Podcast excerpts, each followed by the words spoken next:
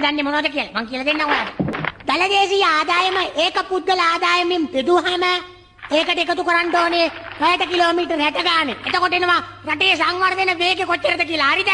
අන්න ඉකොනොමික්ස් එතකොට මෝඩයක්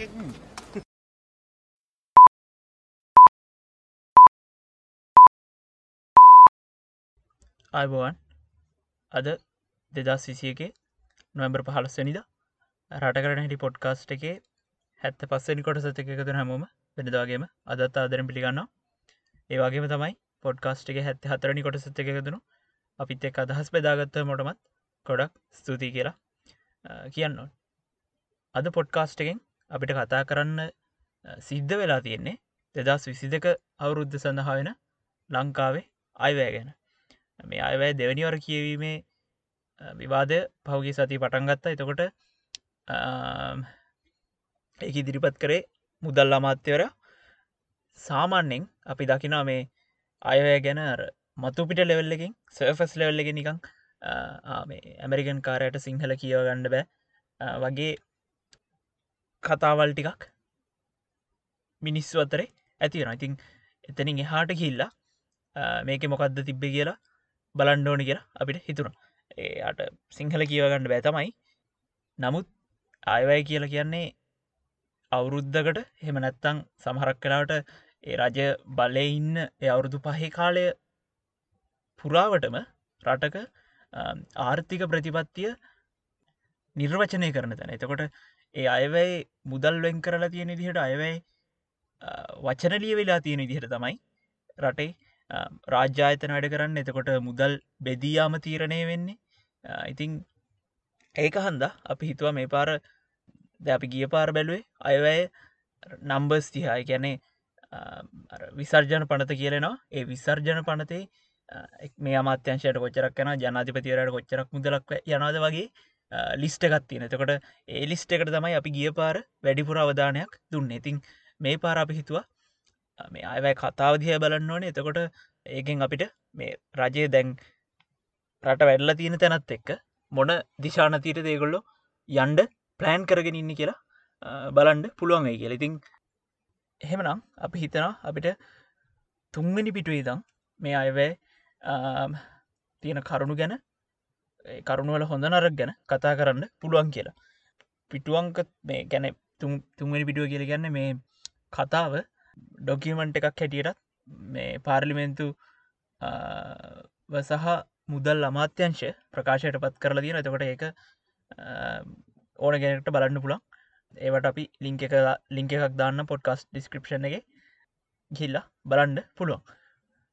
කොහොම නමුත් මුලින්ම මේ කතා පටන්ගන්නකොට ආණ්ඩුව රට මේ වෙනකොට මැදිවෙලා තියෙන අර්බුද පහක් අඳුරගන්න ආර්ථික විෂමතාවේ තිරසාර සංවර්ධන ඉලක්ක ළඟා කරගැනීමේ වේග අඩාල වෙන එක ගෝලියුෂ්ණත්වය ඉහළ යන එක ඊළඟට කෝවිඩ් එක්ක දනවත් රටවල් තමන්ගේ අභ්‍යන්තර ගැටලු විසඳගණ්ඩ ප්‍රයෝරටි දෙන එක හන්දා සංවර්ධනය වෙන රටල්වලට තියෙන ආධාර උපකාර අඩුවෙන එක ඊළඟට පස්සන එක තමයි කොරෝනවලින් ඇතිවුණු නිව් නෝමල් එකට අනුගතවෙන්ඩ තියෙන අභියෝක චැලෙන්ජස් මේවා තමයි රජය ගැටලු හැටියට හඳුනගෙන තියන්න මේ අවුරුද්දේ.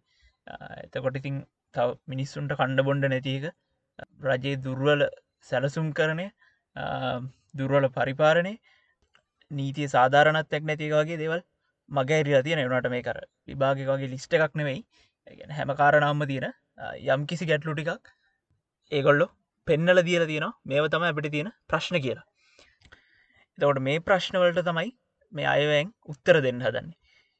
ඊළඟට කියනවා දැන් කොරෝනොත් එක්ක රටවල් අතරේ සංචරණ සීමාවල් පනවනකොට දේශය විදේශීය සේවාවල් අවහිරවෙනවා එතකොට ඒකින් රට ඇතුළට මුදල් ගලාගෙන එක ආදායමක් කෙන එක අඩුවෙන හන්දා රජයට ලැබෙන්ඩ තිබුණ ආදායමෙන් රුපියල් බිලියන පන්සීයක් අද වෙනකොට මේ අවුරුද්ධට නැති වෙලා තියෙනවයි කියල. ඉතින් මේ රුපියල් බිලියන පන්සීය අහිමවෙලා තියෙන අවස්ථාවක තමයි සමහර මන්ත්‍රියවරු තවත් වාහනයක් තවත් වාහන පර්මිට් එකක් කිල්ලන්නේ ගෙදර වහල අර තෙමෙන තැන් හදාගන්න තමන්ගේ වැටු පැඩි කරන්න කිරගෙන ඉතින් ඔය දැන් මාධ්‍ය සාකච්ඡාවල් තියන්නේ ඒ ඉස්සරහට ඒගොල්ලන් ගණ්ඩ බලාපොරොත්තු වෙන ප්‍රතිලාබවලට අමතර වාසිවලට දැම්ම ජනතාව සුගදානම් කරවගන්න එක. ඉතිං ඒක එකක්. ඊළඟට අයවැය කතාවිදි ජාත්‍යන්තර සම්බන්ධතාවයල් ගැන කතා කරනවා. එතකොට එතෙන්දී ලෝක බැංකුව ගැන ආසිය සංවර්ධන බැංකුව ගැන යුරෝප සංගමය ජපාන අන්තර්ජාතික සහයගිත අජන්සිය කුවේට් ප්‍රංශ ජර්මන් කොරියන් ඔපෙක් මේ වගේ සංවිධාන ලිස්ට එකක් සඳහන් කරනවා. ඒගොල්ලොත් එක්ක රජයේ මේ වෙනකොට මිත්‍ර විදිහට වැඩ කරනයි කියලා ඒගොල්ලොත් එක්ක එකතු වෙලා රටේ මූල්ලි සංවර්ධනයෙන් වැඩ කරනයි කියලා. මෙහෙම කියන්නේ මේ මේ චීනය නයඋගුලක හිරවෙලා ඉන්න රටක් හැබැයි චීන නම මේ අයවැදි විදේශ සම්බන්ධතා ගැන සඳහන් කරනකොට කියවෙන්නේ නැහැ. මොකද මේ කොටස කියන්නේ එකන්න මේ ලෝක බැංකුව ගැන ආසිය සංවර්ධන බැංකුව ගැන යුරෝප සංගමය ගැන ජපාන ජර්මන් සංවර්ධන බැංකු ගැන කියන්නේ ඒ අර පාර්ලිමෙන්තය උඩ ගැලරිය ඉන්න ඒ රටවල් නියෝජනය කරලා එන තානාපතිවරු තානාපති කාර්යාලවල නියෝජිතය ෆිට්ටගේ තියාගන්න මිසක් අපේ ජාත්‍යන්තර සම්බන්ධතා වෙනස් කරන්න ඒව ගැන අලුත් කතා භාගට යන්න නෙවෙයි ඉතිං ඒක තමයි විදේශ ප්‍රතිපත්තිය ගැන අයවැය තියෙන සඳහන ඊළඟට රටේ ජාතික ආරක්ෂාව කියන තැනට ගයාම මේක ගැන අයවැයි තැන් කීපයකදිම සඳහන් වෙන මොකද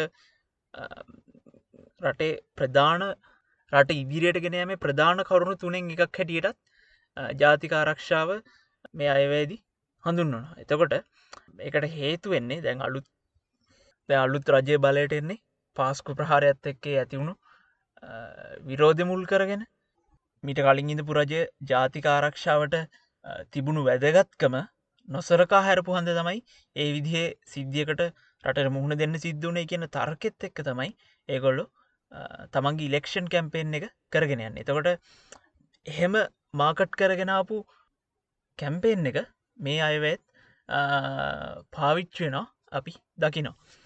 හැබැයි මිනිස්සුන්ට තවදුරටත් ඇත්තටම ජාතිකාරක්ෂාව වැදගත් ප්‍රශ්නයක් නෙවෙයි නං ඊට වැඩිය හෙට කන්නේ මොනවාද? හෙට කන්නේ කොහොමද?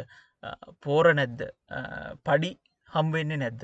වගේ ප්‍රශ්න ඊට වැඩිය ලොකු ගැටලු හැටියට දැන් උඩට ඇවිල්ල තියෙනනම් එක්කෝ ඒ අරර ජාතිකාරක්ෂාව කියන ඒ ස්ලෝගන් එක ඒ චන්ද කැම්පෙන් එක වෙන මොකක් හරි කරුණකින් රිප්ලෙස් කරන්න ඕනේ.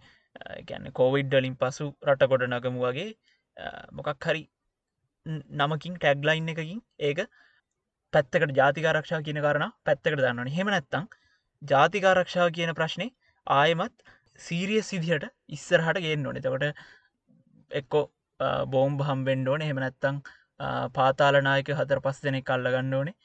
වැදගත් ස්ථානවලට අනතුරැංගවීම අන්ඩෝනේ ඒ වගේ වටපිටාවක් රට ඇතුළ හැදෙන් නොනව ඔප්ෂන් දෙකින් එකක් තමයි රජයට තමන්ගේ ජනකරි තියෙනවන ජනප්‍රීතාවක් ඒ ජනප්‍රීතාවය පවත්වාගෙනයන්ට කරන්න පුළුවන් ගණ්ඩ පුළුවන් ක්‍රියාමාර්ගය.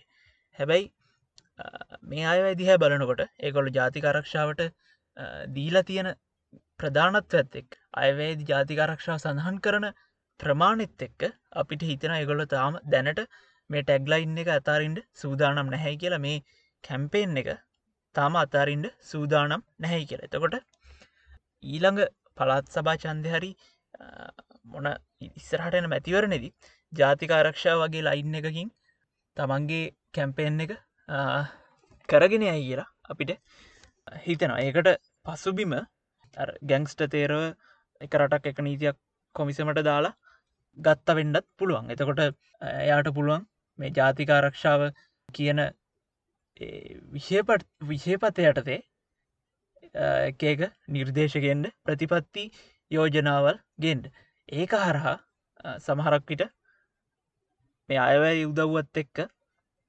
පළත් සභ චන්දරයන්ට රජය සූදානම් වෙනවෙන්ඩ පුළුව ඊළඟට රජයට තියෙන අභියෝග ගැන අයවැයි සඳහන් කරන මුලින්ම මද්‍රව ව්‍යාපාරය ඊළඟට වංචනිකව ලාභූපයන ව්‍යාපාර විදේශ බලවේග එකන්නේ වෙනත් තරමුණු තියෙන රටේ හපත නැතු වෙනත් තරමුණු තියෙන එන්ජෝ ගෝලීයා බියෝග එකන්නේ රට රටවල් අතර තියෙන ප්‍රශ්න ජීවන වියදම් වැඩිවීම සහ හයවිනි අභියෝගය තමයි යල් පැනගිය ආර්ථික මෙවලම්. මේකෙන් අපි හිතනවා මේ හයවෙනි අභියෝගය සඳහන් කරලා තියෙන එක. ටිකක් වැදගත් කියල. මොකද මෙතැන්දි තියෙන්නේ මෙම කියන ජනගහන වර්ධන වේගයට සාපේක්ෂව නිෂ්පාදන ශේත්‍රයෙහි ප්‍රමාණත් වර්තනයක් අත්පත් කර ගැනීමට අප සමත්තරා නැහැ. මේ තත්ව නිවරදි තේරුම් නොගෙන අප සම්ප්‍රදායක මෙවලම් භාවිතා කරමින් වෙනදපොළ මිල ඉල්ලුම සහ සැපයුම පාලනය කිරීමට උත්සා කරනවා නම් එය අනිවාරෙන් වේචනයට ලක්වන කරුණක්. බාණ්ඩ හා සේවාමිල පාලනයට සාම්ප්‍රදායක මේලම් ප්‍රමාණත් නෑ කියන එක මගේ විශ්වාසය. මේ නිසා පහුගේ කාලේ ගැසට් පත්‍ර මුද්‍රණය කිරීම පිළිබඳ අපේ රජයටත් විවිධ විේචන එල්ල වුණා. ඒවාගේම මිලහා සැපුම් පාලනය කිරීම කිරීමට භාවිතා කළ සමහර ක්‍රියාමාර්ග සම්බන්ධයෙන් අනිශ්චිතතාවක් ගොරනැක්න තකොට මේක තමයි මේ මුදල් ඇමතිවරයාගේ ඒ යල් පැනගේ ආර්ථික මෙවලම් ගැන යක් අයවය කරපු කතාවේ ඒ කොටස. මෙතැන්දී පාර්ලිමෙන්තුවට ඇවිල්ලා මුදල් ඇමති තමන්ට ලියල දෙන්න එක කියව්වට මේ කතාව ලියන කට්ටිය කතාව ලියන්නේ ඉඩඩිය බැරෑරුමක් බැරරුම් අර්ථයක් ඇතුව කියලා අපි හිතන එකන්නේ මෙතන මේ එක වාක්‍යයක් ඇතුළේ තියෙන හැංගුණ තේරුම රජය ඉස්සරහට යන්න දිශානති තීරණය කරන්න ගොඩක් වැදගත් කියලා අපිට හිතනවා. එතකොට මෙතෙන්දි මුදල් ඇමති කියනවා සාම්ප්‍රදායික මෙවලම් වලින් ඉවතට යන එක වැදගත් කියන. එතකොට සාම්ප්‍රදායික මෙවලම් කියලා මෙතෙන්දි කියන්නේ බාණ්ඩ මිල පාලනය කරන එක ගොවියගෙන් කෙලින්ම වීමිලට ගන්න එක ඊළඟට තමන්ම තමා විවේචනය කරගන්න අර ගැස පත්‍ර මුද්‍රණය කිරීම ගැන ඊළඟට ඒ කතාවෙදී තැනකදිකිව මේ ඒ වගේම මිලහා සැපම පාලනය කිරීමට භාවිතා කළ සමහර ක්‍රියාමාර්ග සම්බන්ධෙන් අවනිශ්චිතාවයක් ගොඩනැගුණ කියලා. එකැනෙ ඒ ඒවාකෙන් අදහස් කරන්න ඇර හාල්මෝල් හිමියෝ පාලනය කරන්න මොල්ලොලට පැන්න කතාව තමයි එතැන්දි මුදල්ලම තිරය අදහස් කරන්න. එතකොට තවදුරටත් ගැසට් ගහලා වී කෙලින්ම ගොවියගෙන් සල්ලි දීලාරගෙන පාලන මිලක් දාලා ස්ථාවර මිලක් දාලා සහතික මිලක් දාලා රටේ ආර්ථිකය පාලනය කරන්නේ නැහැයි කියන එක තමයි මෙතැන්දි මුදල්ල මාත්‍යරයා අඟවන්නේ. ඒ වෙනුවට රජය ආර්ථිකයට තියෙන මැදිහත්වීම පුළුවන් තරං අවම කරනයි කෙනෙක තමයි මේ මුදල්ලමතිර මෙතැදි කියන්න දැනතින් ඒක ඒගොල්ලො මේ වෙනකං කරංආපු පියවරවල් එක්ක ගැලපෙනයි ගැන්නේ ගැසට් ඉදිරිපත් කර ගැසට් එක ගහනා තමයි හල්මෝල්ලොල්ට කඩම් පනිනාව තමයි හැබැයි ඒකින් රටේ ආර්ථිකයට පලදායි මැදිහත්වීමක් සිද්ධ කරේ නැහැ. ඒකම ඒ ඒ පුරුද්ධම අපි හිතනවා ඊළඟ මේ රජය බලයින්න ඊළඟ අවුරුදු ගණනාව ඇතුළෙත් පවත්වාගෙන යයි කියලා. ඊළඟට අපනායන ගැනත් මේ අපනය ප්‍රවර්ධනය ගැනත් අයවැයි අවස්ථා ගණනාවකදිම සඳහන් වෙනවා. මේකට හේතු හැටියට අපි දකින්නේ රටේ තියෙන විශාල ආදායම් වියදම් පරතර එතකොට මේක අඩු කරන්ඩ ඔප්ෂන් කීපයයි තියෙන්නේ. ඒ ඔප්ෂන් එකක් තමයි රටේ තියෙන අපනායන ප්‍රමාණය වැඩි කරන එක. ඒකින් රට ඇතුළට එන්ඩ තියෙන ආදායම වැඩි කරන එක. ද මේකත් ඉතින් මේ රජය විතරක් කියන දෙයක් නෙවෙයි. නිතරම අපනයන වැඩි කරනවයි කියන කතාව අයවැයිදි සාමාන්‍යෙන් ප්‍රකාශනාවක් ඉතින් මේ වෙලාවේ එහෙම උත්සාහයක් හරි ගන්නවනම් අපි හිතනවා හොඳයි කිය මකද එහෙම නැත්තම් මේ තියෙන ගැටලුවෙන් රාජ්‍ය සේවය කප්පාදු කරලා ගොඩෙන්ඩ විදිහක් නැහැ. ඊළඟට අයවැයි මේ පොදු සමාජ සහ ආර්ථික ගැටලු ගැන කතා කරනවා. එකන්නේ සමුෘද්ධිය වගේ දෙව මෙතෙන්දි කියනවා රටේ සමස්ත ජනගහනෙන් සීයට විසිතුනක් සමුෘද්ධි ලාබීන් කියලා. ගැනේ රජයේ පුනරාවර්තන වියදමෙන් සියට විස්සක් යන්නේ මේ සමාජ සුපසාධන අඩවලට කියලා. මුදල්ල මත්වර කියෙන එතකොට ඒකනුත් පේසියට විස්සෙන් බහුතර ප්‍රමාණයක් යන්නේ අර සමුෘද්ධී සමුෘද්ධිය මත යපෙන ජනතාව වෙනුවේ දැන් වෙනකොට ගැටලු වෙලා තියෙන්නේ සමුෘද්ධී කිව්හම ඒක සමාජ ස්තරයක් බාට පත්තරලා තියෙනවා.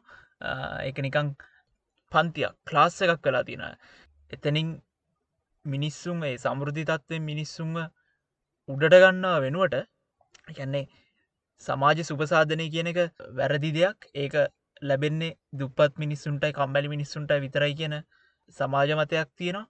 එතකොට ඒ තත්ත්වෙන් මිනිස්සුන්ව ඉහලට ගන්නා වෙනුවට සමුෘද්ධී තත්ත්වෙන් පහලට යන එක නවත්වාගෙන යන ව්‍යාපාරයක් හැටියට සමුෘද්ධිය පත්වෙලා තිර ඒක වෙනස් වෙන්න ඕන. ඒක කොහොමද වෙනස් කරන්න කියනෙක් ගැන මෙතන සඳහනක් නැහැ. හැබැයි රටේ රටේ වියදං අඩු කරගන්න නම් රටටෙන ආදම් වැඩි කරගන්න නම් ව්‍යාපාර වැඩි කරගන්න නම් සමුෘද්ධි තත්ත්වය ඉන්න ජනතාව එතනින් එහාට එතනින් උඩ සමාජ තත්ත්වයකට අරගෙන යන්න ඕනි කියලා අපි හිතෙනවා.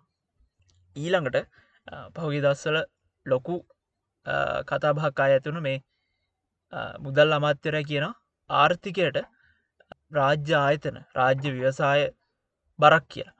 එකැනේ එතැන්දී රටේ රාජ්‍ය ව්‍යවසාය තුන්සියක් විතර තියෙන කියෙන මේ ආයතන එක එක නිෂ්පාදනොල්ල හෙමනැත්තන් සේවාවල නිරතෙන අපි මේ ආයතන ගැන පොඩ්කාස්ට් එක හැත්ත හතරණි එපිසෝඩ්ඩේ කතා කර. මීට කලින් එපිසෝඩ් එක. එතැන්දී ඒවා නඩත්තු කරන්න අවුරුද්ධකට රුපියල් බිලියන හැත්ත පහක් විතර වියදං කරනයි කියලා කියනවා. නමුත් ඒ වියදමට ගැලපෙන විදි ආදායමක් රාජ්‍ය ආයතනවලින් ලැබෙන්න හැ කියලා මුදල්ල මත්තර කියනවා. සමහරක් විට මේ කතාවිදි මෙතැන්දි මේ කියන්ඩා දන්නේ විදුලි බලාගාරය කොටස් විදේශ සමාගමකට විකුණු වගේ ශයස් විකුණු වගේ මේ රජයට අයිතිවෙන අනිත් ව්‍යවසාය ආයතනත් විදේශ ආයතනවලට ශයස් හැටියට විකුණන්ඩ වෙන්ඩ පුළුවන්. ඒකට ගන්න ආරම්භයක් වෙන්ඩ පුළුවන්. ඒ කොහොමුණත් හැමෝම් පිළිගන්න ඕනෙ තමයි දේ තමයි පාඩු ලබන ආයතනවලට මොකක් හරි වියදමක් පිළියමක් තියෙන්න්න ඕනේ. විශේෂෙන්ම ඒ ආයතන මිනිස්සුන්ගේ බදුමුදල්වලින් රන්නන ආයතනනම් හැබැයි ඒ ආයතනවල සිද්ධ වන දූෂණ වංචාවල් ගැන සලකන්න නැතුව ඒ ආයතනවල තියෙන අකර්මණ්‍යතාවවල් ඒ ආයතනවල තියෙන දේශපාලන පත් කිරීම වගේ දේවල් ගැන සලකන්න නැතුව අකාරක්ෂමතාවය සේවකයෝ මතම පටවන එක කොච්චර සාධාරණයිදි කියලත් අපි අහර බලන්න ඊළඟට දැන් ලොකු අයවැය පර්තරයක් තියෙනවා. වියදම් කිරිම් සම්බන්ධෙන් ගැටලු තියෙනවා. තකොට රජය පෙන්නන්ඩ ඕන වෙලාවේ. තමනුත් ඉගැන්නේ අමාත්‍යවරු සහ ඉහළ තලේ රාජ්‍ය නිලධාරීනුත් පටිතත කරගන්න කියලා. එතකොට මේ ඇමතිවරු මේ පාර පටිතත කර ගැනීම හැටියට මාසට ලීටර් පහක් තමන්ට දෙන ඉන්දන දීමනාවෙන් කපාහරින හරිනිකාර පාලමයටින් පොල්ලෙල්ලක් ගියාවගේ මේකෙන් කොච්චර මුදලක් ඉතුරු කරන්න හදනවද? කොච්චර කවද රවට්ටන්න දන්න කියලා අපිට නම් හිතාගන්න බැහැ කොහොමනත්. ඒක තමයි අමාත්‍යවරුයි රාජ්‍ය නිලධාරීනුයි මේ අයවෙන් පටිතද කරගන්න විදිහ. ඊළඟට මන්ත්‍රීවරෙක්ට විශ්‍රාමයටුපක් ලබාගන්න නම් මේ වෙනකොට එක දිකට අවුරුදු පහක් පාර්ලිමේන්තුව නියෝජනය කරන්න ඕනේ. ඒක අවුරුදු දහයක් වෙනකං දීර්ඝ කරන්න යෝජනා කරලා තියෙනවා. ඒකනුත් කොච්චර මුදලක් ඉතුරුවෙනවාද කියන ප්‍රශ්නය ඇතියෙනවා ඒ වනාට එහෙම යෝජනාවක් හරි කියන එක අපි හිතන්නේ හොඳයි. එකෙන් සිද්ධ වෙන්නේ රජයට යන වියදම අඩුවෙන එක. ඊළඟට විශ්‍රාම වයස අවුරුදු හැට පහක් කරලා තියෙනවා. සාමාන්‍යෙන් සාමාන්‍ය පුද්ගලෙක් ගත්තොත් අවුරුදු පහලවක් විස්සක් විතර ඉගෙන ගන්න ඉගෙනගන්නේ රස්සාක් කරන්න. ඊට පස්සේ අවුරුදු හත්තලියක් විතර හරි ඒ ආසන්න ගානක් රස්සාාවක් කරන්නේ වයසට ගිහාම සතුටින් ඉන්න කියලා. දැන් සිද්ධ වෙලා තියෙන තත්ත්වය තමයි වයසට ගිහාම සතුටින් ඉන්න පුළුවන් රටකුත් නැහැ සමාජවට විටාවකුත් නැහැ. වයසට ගිහිල්ල නිදහස ඉන්ඩ ආර්ථික තත්ත්වක් තිබ්බත් නිදහස් කාලෙකුත් නැහැ. මොකද විශ්‍රාමවයස වැඩි කරලා. හරි පැත්තට යන රටක් නම් දියුණුවෙන රටක් නම් විශ්‍රාමවයස අඩු කරන්න අඩු කරන්න ඕනේ. තකොට මිනිස්සුන්ට තමන්ගේ ජීවිත වැඩ පොඩි හරි කාලයක් නිදහස ඉන්න පුළුව වැඩ කරන දිනගාන අඩු කරන්න ඕනේ. වැඩ කරන පෑගාන අඩු කරන්න ඕනේ. හැබැයි මේ ඔක්කොම යන්නේ අනි පැත්තට. ඉතින් මේ තීරණයත් ඒ වගේ. ඊළඟට මුදල් ඇමතිර හොඳටම දන්න ටැක්සිවේෂන් එකන්නේ බදු පැහැර හැරීමේ මාතෘකාවට අයවැ යන එතෙන්දී සඳහන්වෙන රුපියල් බිලියන දෙසීයකට වැඩි ගානක් ආදායම් හැටියට රජයට එකතු වෙන්නේ නැහැයි කියලා.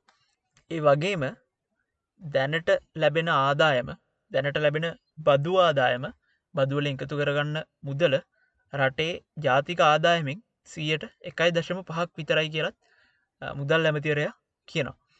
ඊට පස්සේ අපෙන් හනෝ ආදායම් වියදම් අතර පරතරය වැඩියයි රාජ්‍යායතන මෙච්චර පාඩු ලබන්නේ ඇයි කියලා.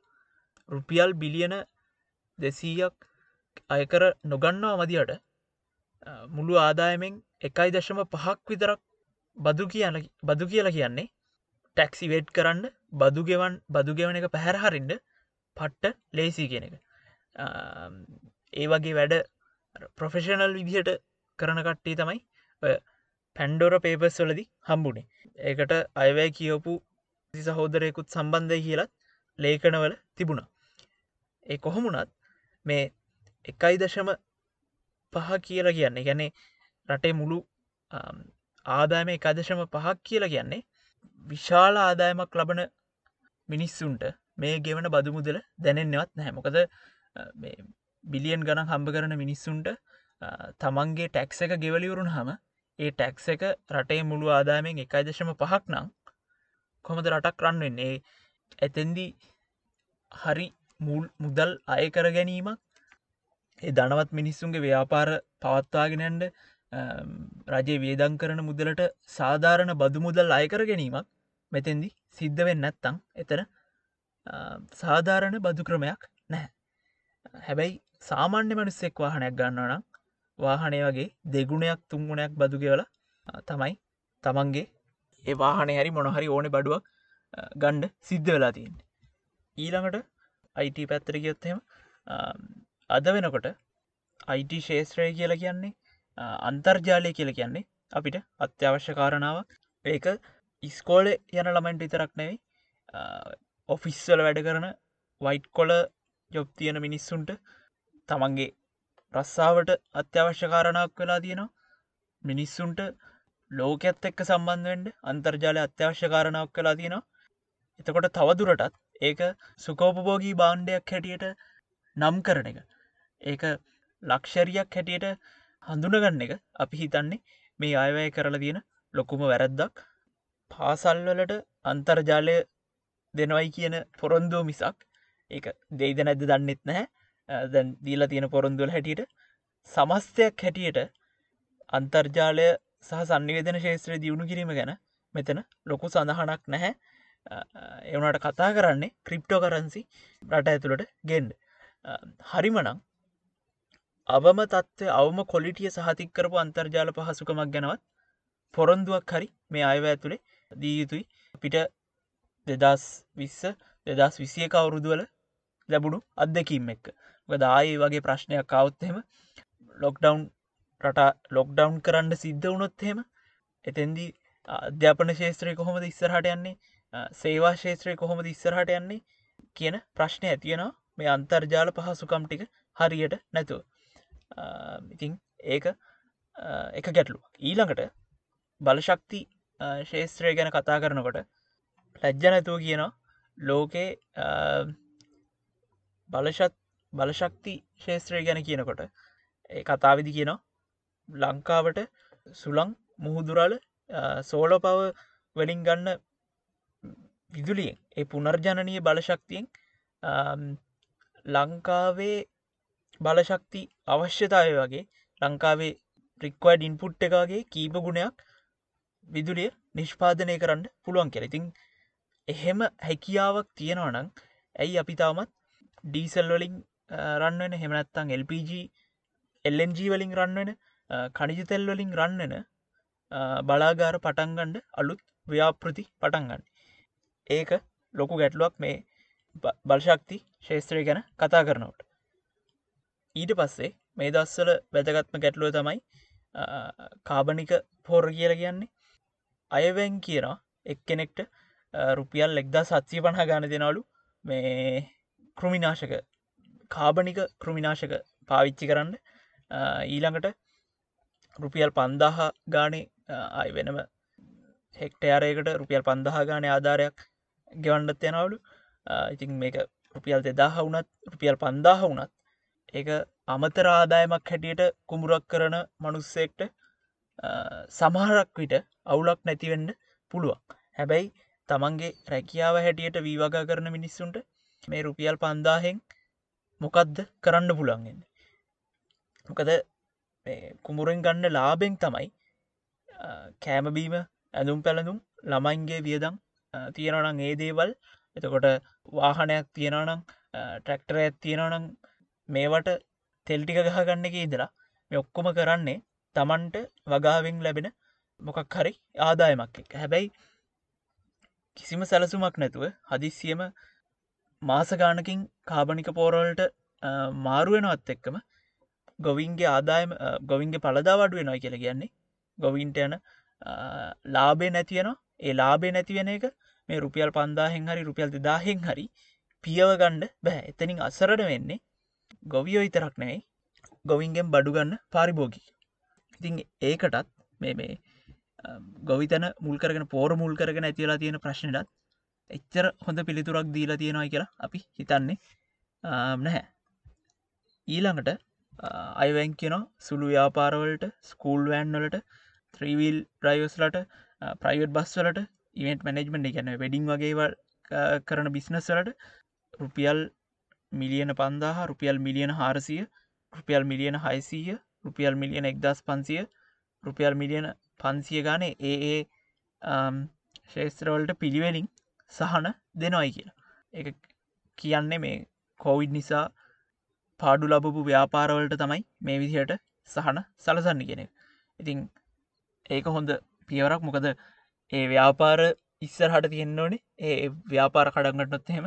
එතැන්දී ආය විරගියා වැඩියන ඒ වගේ ප්‍රශ්න තියෙනවා මේ රජය රජ ආර්ථිකයට මුදල් පොම්ප කරල හරි ඒ ෆිල්ඩ එක පවත්වාගෙන යන්න පුළුවන්න ඒක හොඳ දෙයක් කියල තමයි අපි හිතන්න. ඊළඟට පරිසර කරමනා කරණයට රුපියල් මිලියන දෙදාහක් වෙන් කරලා තියෙනවා. ඒකර බදියුදීන් මේ දස්සල හිටවන ගස්සලට අමතර උපකාරක් හැටියට හෙම නැත්තං සිංහරාජය කැලේ කැපවට ඒ ඔෆ්සෙට් කරන්න වෙන තැන්වල හිටවන ගස්සලට වැෑකරන රුපියල් මිලියන දෙදහක් වෙන්න පුළුවන්.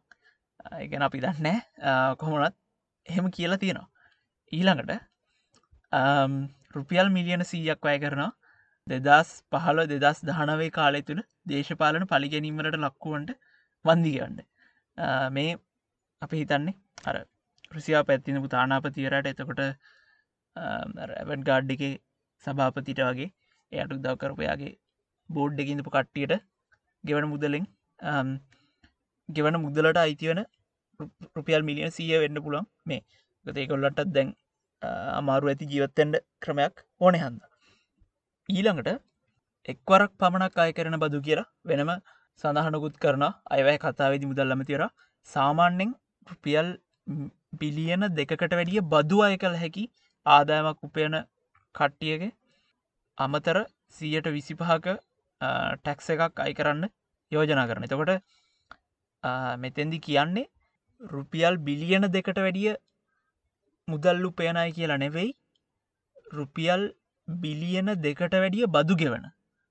රුපියල් බිලියන දෙකට වැඩිය බදු ගෙවන කම්පැනිස්වල හෙමනැත්තම් පුද්ගලයන්ට ඒගොල්ලන්ගෙන් අය කෙරෙන බද්ධ සීයට විසිපහක් කරනයි කියලා යෝජනා කරලා තියෙනවා. මෙතනින් රජයට ඉතින් රුපියල් බිලියන සීයක විතර ආදායමක් උපයගන්න පුළුවන් කියලා රජය හිතනවා. සාමාන්‍යෙන් රුපියල් බිලියන දෙකක් අවුරුද්ධකට ටැක්ස්වලින් විතරක් ගෙවන මනුස්සෙක්කුයි මනුස්සෙක් ඉන්න රටක බේලක් කැර වේලක් කන්න මිනිස්සු ඉන්න එක අපිට පේන විදියට ලොකු ගැටලුව එහෙම විෂමතාවයවල් අඩු රටවල් වල තමයි ලෝකෙ සතුටින්ම ජීවත්වෙන මිනිස් වෙන්නේ මිනිස්සුන්ට තමන් හෙට මොනව කරයිද හෙට කණ්ඩ ලැබෙයිද නැද්ද කියන බය බයෙන් තොර ජීවත්වෙන්න පුළන්ගෙන ඉතිං මේ පාර මේ රුපියල් බිලියන දෙකට වැඩිය බදු ගෙවන කට්ටියට අමතර බද්දක් එක වනෝ් අමතර බද්දක් ගහල තියෙන එක් කොරක් පමණක් අය කරන අමතර බද්දක්. හැබැයි අපි කලිනුත් කියලා තියෙනවා. හරි බදි බදු ප්‍රතිපත්තියක් ඇතුළ. ප්‍රතිපත්තියක් ඇතුළේ රටේ හැම මනුස්්‍යයම තමන්ගේ ආදායම් වියදම් ප්‍රකාශ කරන්න ඕනේ. එතකොට වැඩිපුර මුදල් උපයන මිනිස්සු වැඩි බදු ප්‍රතිශතයක් ගවන්න ඕනේ. ඒක සියට තිහක් වෙන්න පුළුවන් සියට විස්සක් වෙන්න පුළුවන්. ඊට පස්සේ අඩු ආදායමක් ගන්න කට්ටිය සියට පහක් වන්න පුළන් සියට දහක් වන්න පුළන් ඒ වගේ අඩු බදු ප්‍රතිශතයක් ගවන්න ඕනේ. එහෙම ක්‍රමයක් තියෙන රටක් තමයි හොඳ බදු ප්‍රතිපත්ති තියෙන රටක් වෙන්නේ. නමුත් නමුත් අර හෙට්ට තියෙන නයිටික ගෙවාගණ්ඩ රුපියල් බිලියන සීයක් අයකරගන්න ඇර ඇත්තටම සාර්ථක බදු ප්‍රතිපත්තියක් මේ අයවෙන් ඉදිරිපත් කරලත් නැහැ කියලා අපිට හිතෙනවා. ඉතිං අන්තිමට මේ ඔක්කොම වියදං ආදායම් අවසානයේ රටේ අයවැය පරතරය එකැන්න වියදමයි ආදායම අතරේ වෙනස මුළු දළදේශී නිෂ්පාදනින් සියට අටයි දශම අටක් මේක යම්තාක් දුරකට වැඩියන වේගය අඩු කිරීමක් හැබැයි මේ අයවැය පරතරය අඩු කරන්න පිහිතන ඉස්සරහට ඒගොල්ලන්ගේ සාක්කු පුරුවගන්න ගම රාජ්‍යායතනවල කොටස්සිකුණයි අලුත් වහන ගන්න ගමන් කොල්ලඹ තියෙන ඉඩං කුල්ලියට දෙන්න පටන් ගනි. මේ වගේ පියවරවල් තමයි දැන් මේ අයවැය පරතරය අඩු කරන්න ඒගොල්ල යොදාගන්න කියලා අපිට හිතෙනවා. මේ අයව බැලුහාම ඒක තමයි අපිට එන පණිවිඩේ නමුත් ගැටලු වෙන්නේ මූල්්‍ය පරිපාලනය ගැන වගකීමක් නැති පුද්ගලයට රටේ මූල්්‍ය පරිපාලනය රටේ මූල්්‍ය පරිපාලනය බාරදුන්හාව එතෙන්දි ඇතිවෙන ගැටලු ගැන. එතකොට මිනිස්සුන්ට තියෙන එදිනිදා ගැටලු. ඒකන්නේ කණ්ඩ නැතික පෝර නැතික වැටුප් පම්බෙන් නැතික වගේ ගැටලුවලට මේ අයවැන් හොඳ උත්තර නොලැබෙන එක අපි හිතන්නේ ලොකු ප්‍රශ්නයක්. ඒ වුනාට මේකෙදී මේ අයවැය තියෙන හොඳ පැත්ත තමයි. ඒක ගැනත් අපි කියන්නට තමන් අතින් වෙලා තියෙන අඩුපාඩු ගැන ඒවා වහෙංගොරෝ හරි පිළිගන්න එක. ගැන්නේ අනාශ්‍රීතියට නයගන්නවා කියන එක හරියට රාජ්‍යායතන පරිපාලනය කරලා නැහැ කියන එක වගේ කාරණාවල් පිළිගන්න එක හරි ගැසට් ගහලයිව රිවස් කරනවා කියන එක පිළිගන්න එක හරි අපි හිතන්නේ මේ අයවැය තියෙන යම් කිසි හොඳ ලක්ෂණයක්.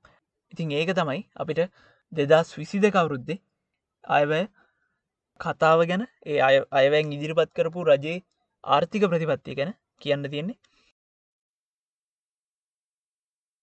ඉතින් ඒකත් එක්ක අදට අප අපේ පොඩ්කාස්ට් එකේ හැත්ත පස්සනි කොට සාසන් කරන නැවතත් පොඩ්කාස්ට් එකේ හැත්ත හැවින් කොටසින් හමරකම් හැමෝටම ආයිබවන්.